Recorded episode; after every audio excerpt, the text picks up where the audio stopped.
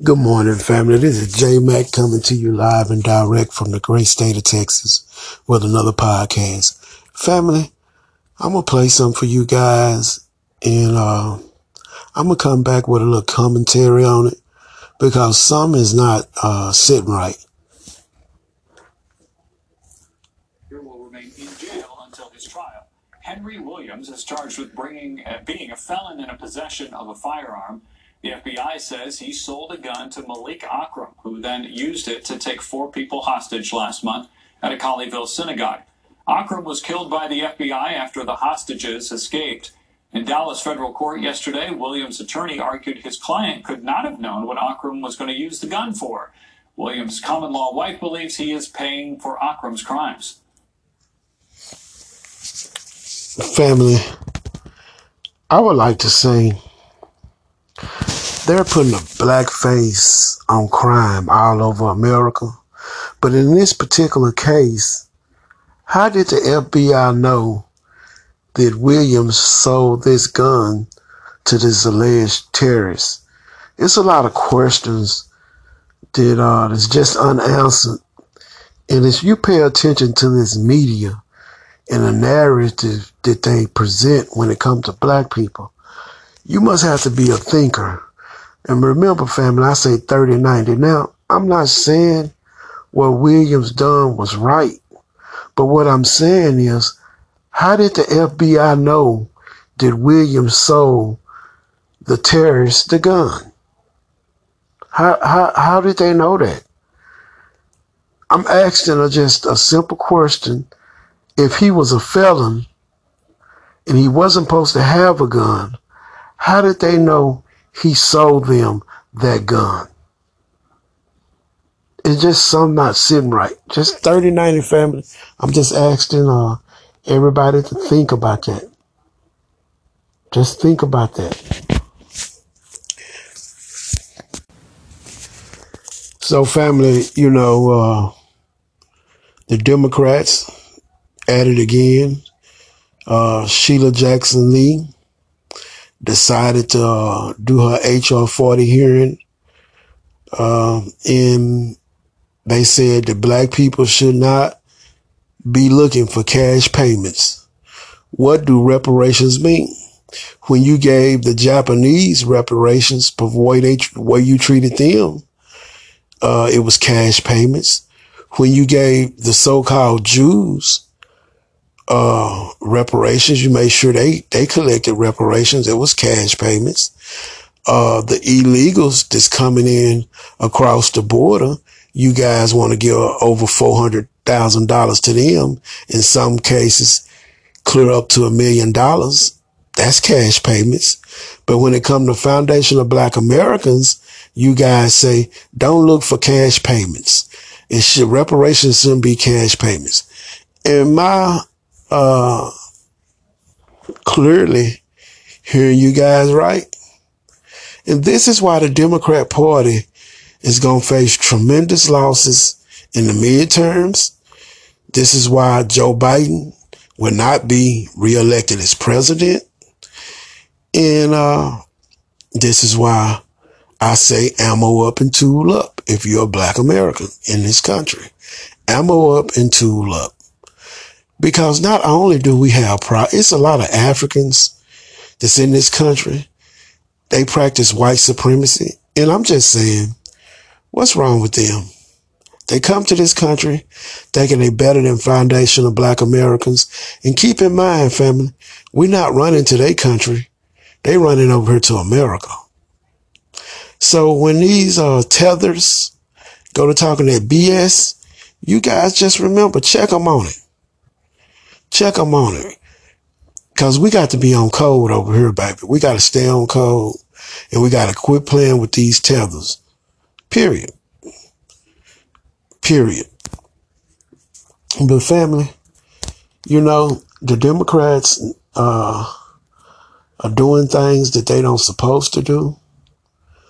And what I mean by not, they don't supposed to do, they don't supposed to be harming their constituents black people are a constituent of the Democrat Party, but yet and still they continue to harm the people. Now, look, family, the Democrats know that they support amongst the church going group, uh, the black community is, uh, it's not looking good, man, because, you know, a lot of people are upset with this voting thing. But not only that, you know, uh, I heard Jesse Jackson that then dusted him off and brung him back out. He had a little bit to say, but what does it mean? Nothing. Without Democrats cutting the reparation check, it doesn't mean anything anymore. Because if you continue to go along with what they're doing, you'll be choked out economically in this country. Period. That's just a fact, family. And when I be talking, doing these podcasts, I just be wanting you guys to understand that this is what's happening. They're trying to choke us out economically. And it's a lot of black people are successful. Do not get me wrong. It's black entrepreneurs out here that's being successful. But uh we deserve reparations. Before and look, the government still practice open discrimination against black people. The police forces pla- uh, practices open discrimination against black people in this country. It was a case up in New Jersey the other day where a black teen and a white teen got into a fight and the white team provoked the fight.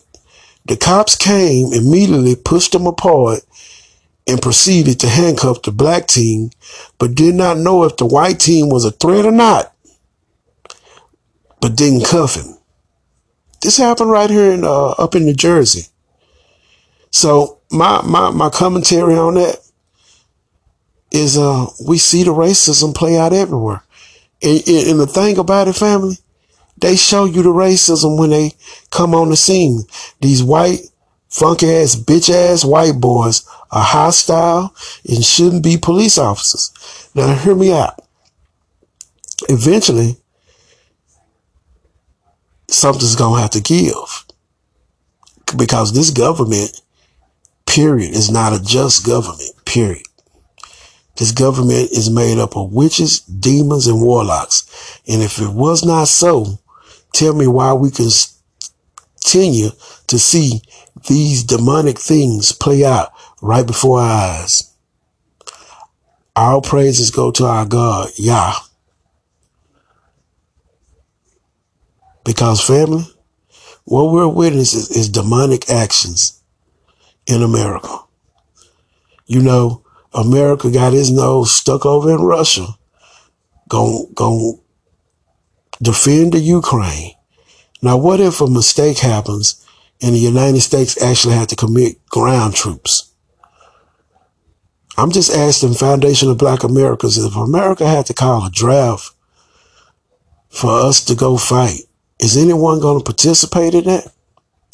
Uh, is that the unraveling of this country? I'm just asking the question because, uh, 3090 family, because, uh, we can, we can commonly see, commonly see that abuses and violation of decent human rights continue to happen in the United States of America. And these white people are not our saviors. They're the devil that the Bible speaks of because that's what they act like, pure devils. So I'm just asking that simple question, just a simple question.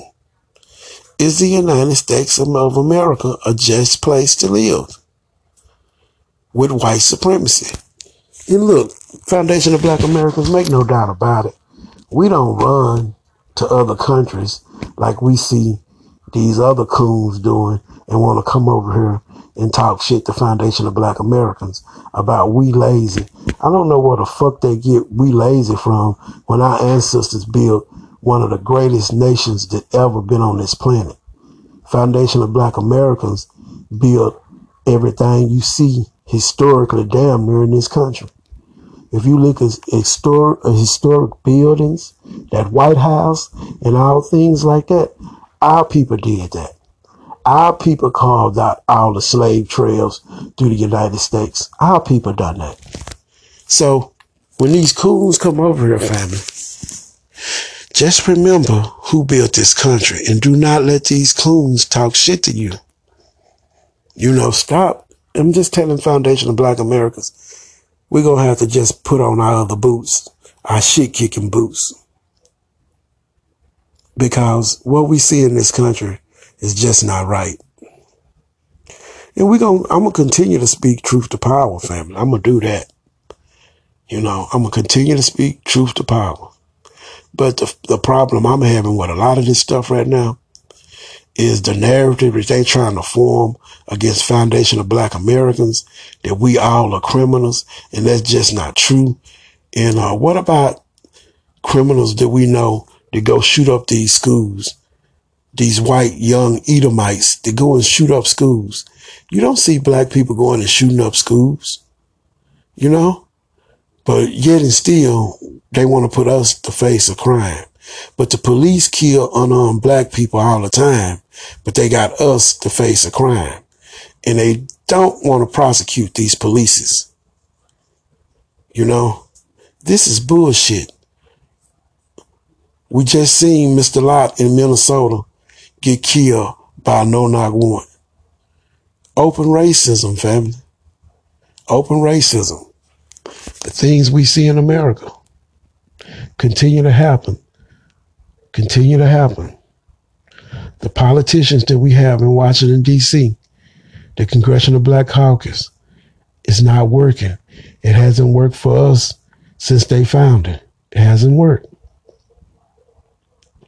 The record of numbers that you see of uh, retirements in the House of Representatives. Republicans are set to take the House back, maybe the Senate. So I'm just asking a question, family. You know, what's happening? And we don't have to just uh, think about it. We see what's happening. We don't have to think about what's happening. We see what's happening all the time.